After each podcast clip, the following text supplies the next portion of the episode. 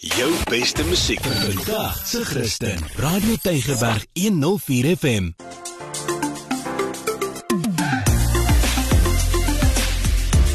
Alles wat lekker is met Almarie de Pre en Ingrid Venter op Radio Tygerberg 104 FM. Baie hartlik welkom. Dis tyd vir alles wat lekker is van my Ingrid Venter. Is vir ons so lekker om vir jou te vertel van interessante plekke wat jy kan gaan besoek hier in en om Kaapstad. Want uh, ek dink mens raak baie keer net so gewoond om dieselfde ou paadjie te ry, nê? Maar ehm um, daar's wonderlike wonderlike plekke wat ehm um, mens baie keer by verby ry en jy draai nie af nie en ek dink vandag gesels ons oor so 'n plek. Hallo Almarie. Hi Ingrid, ja, definitief en ek moet sê vir my wat nog redelik nuut is in die Kaap na 3 jaar, dit was ook 'n plek waar ek baie verbygery het voordat ek nou éventueel daar uitgekom het. Mm. So ek sien uit om te deel. So mens ry verby as jy Weskus se kant toe ry, is ons op die Weskuspad, ja. nê?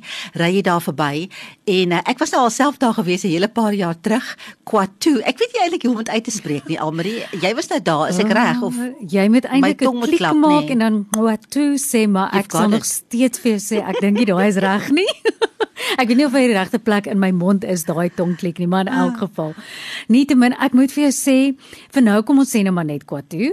Maar Ingrid, dit is werklik 'n juweel van 'n plek. En ek hoor van soveel mense, hulle sê hulle ry Eiserfontein toe. Hulle het altyd gesien want is letterlik net so klipgooi van Eiserfontein se afrit net voor dit op die Weskuspad en um, Ek het vir Bianca van Kwatu gevra om net vir ons te sê wat is is die betekenis, jy weet, van hierdie sentrum. Wat beteken Kwatu en wanneer en hoekom het hulle hierdie sentrum gestig? Kwatu word uitgespreek met 'n uitroepteken. Dit is nie Kwatu of Ikwatu nie. Dit beteken ook in die ou uh Santal watergat. Dit is amper so as ons san mense hiernatoe kom waar ons na watergat toe kom waar ons die mense en die diere kan dit saam geniet en ons kom leer ook oor ons san lewe en ons hoe ons voorouers gelewe het. En ons leer ook dit wat ons hier kom verder leer, leer ons ook in ons gaste wat ons kom besoek. Ons leer ons gaste alles wat ons ken en ons gee hulle die beste ervaring wat ons kan vir hulle gee om hulle gelukkig met 'n gelukkige idee huis toe te kan stuur en ook oor ons omgewing kom besoek ons en kom ervaar dit vir julle vir julleself.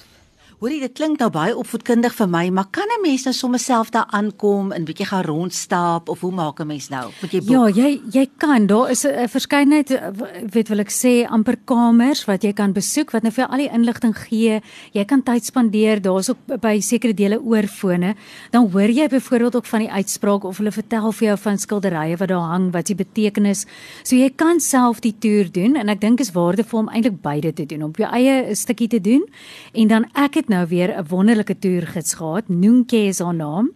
En sy self daar opgelei want hulle lei ook mense op mm. wat eintlik dan nou self 'n pad stap en sekere vaardighede aanleer. En dan kan jy nou alles beleef, jy weet die diversiteit van die San gemeenskap. Um ek dink vir myself ook, jy weet, elke keer wanneer mense iets leer van iemand anders se kultuur of hoe hulle groot geword het, dan ontdek jy iets van jou eie menswees. En dis wat hierdie so waardevol maak, want ons ons besef nie altyd watter gedeelte van ons populasiegroep is ook afkomstig van die San gemeenskap nie. So ek dink regtig dat mense nogal baie kan uitsien as hulle dit besoek. En jy sien ook byvoorbeeld as ek nou onthou, daar staan byvoorbeeld 'n kokerboom maar hulle het dit nou daar geplant. Dit is mm. dit hoort nie eintlik in daai area nie. Maar dan sien jy nou ook die implemente wat hulle gebruik het daai tyd ja. om mee te jag. Ja, en ja. Ehm um, jy weet daai detail en ook te besef hoe mense daai tyd gefunksioneer het en wie se rol was wat dat hulle gesorg het dat daar kos op die tafel is en hoe hulle nou met vel, jy weet dierevel ook alles gemaak het en ek dink ook interessant vir my is waar jy ook ehm um, hulle sal self ook daarvan vertel maar hulle het ook so krye tuintjie daar. Mm. En dan leer jy ook nou watse tipe krye is aangewend as medisine vir medisinale redes. Mm. So jy weet jy ontdek net dat die natuur is 'n absolute skatkis vir ons. Maar ek het gevra dat hulle onsself meer vertel van wat kan jy verwag op die toer. As as jy by Kwatu kom en dan ons Sun Guided toere kom doen. Ons het 5 verskillende amazing toere wat jy kom doen. Is 45 minute en R160 per persoon. Kom ek verduidelik gou vir julle die toere wat ons hier aanbied. Ons het vir First People Encounters Way of the Sand 'n trekking toer en 'n tea tasting. Dit is baie amazing. Jy sal leer oor die eerste eerste mense wat geleef het voor die sanmense, dan leer jy oor die sanmense se geskiedenis, die kultuur, die geestelikheid, jag en versamel. En dan leer jy ook die medisinale plante wat hulle gebruik het en die belangrikheid van die natuur en die diere. En dan leer jy oor die geskiedenis van die sanmense wat nooit in die boek geskrywe is nie. En dit is baie belangrik. Kom en kom geniet dit saam met ons. Lekker. Ja, ek onthou ook hoe lekker prakties dit was. Jy weet jy het jy het gesien met jou oë hulle het vir jou goed gedemonstreer en ag dit was so heerlik. Maar klink vir my so lekker. Kan 'n mens 'n bietjie oorslaap daar? Ja, en weet jy, ek wil weer eens mense aanraai. Daar's verskeidenheid opsies waarvan hulle ook uh, sal vertel later. Maar ek het nou vir 2 aande oorgeslaap. Jy maak 'n kaggelvuur in die Mhm. aande. Dit is tube stil want ek meen jy's in die middel van die natuur, jy's in die middel van die bos. Jy wil eintlik dit was load shedding toe ek daar was, né? Sjoe. Maar ek was bly want dan sit kerslig en is kaggel en dit ehm um, jy's jy's omring deur die geluide van die natuur maar ook die stilte. Mm. Sonsopkoms is ook idillies want jy het nou die Weskus wat oop lê voor jou. Daar's nou nie 'n boom voor jou uit nie. So sonsopkoms en ondergang is regtig iets om te beleef. En ek dink dit is ideaal. Daar was mense wat langs my gebly het. Hulle het met 'n kind en 'n hond gekom. Dan is daar nou weer ehm um, jy weet daai gevoel, daai romantiese gevoel so ek wil sê jy moet jouself ook nie beperk nie. Jy kan hmm. vir enige rede kan jy gaan of jy nou 'n groot gesin het of net op jou eie maakie saak nie. Ek dink is geweldig opvoedkundig vir uh, vir kinders om jou kinders na so iets toe te vat. Maar ek moet sê jy beïndruk my nou vandag want ons het nou nog glad nie oor kos gepraat nie. Ingrid, ek moet nou vir jou vertel, ek was eintlik so besig, ek het vir die eerste keer in my lewe baie min aan kos gedink wat ook nie eintlik waarskynlik is nie, maar dit het gebeur.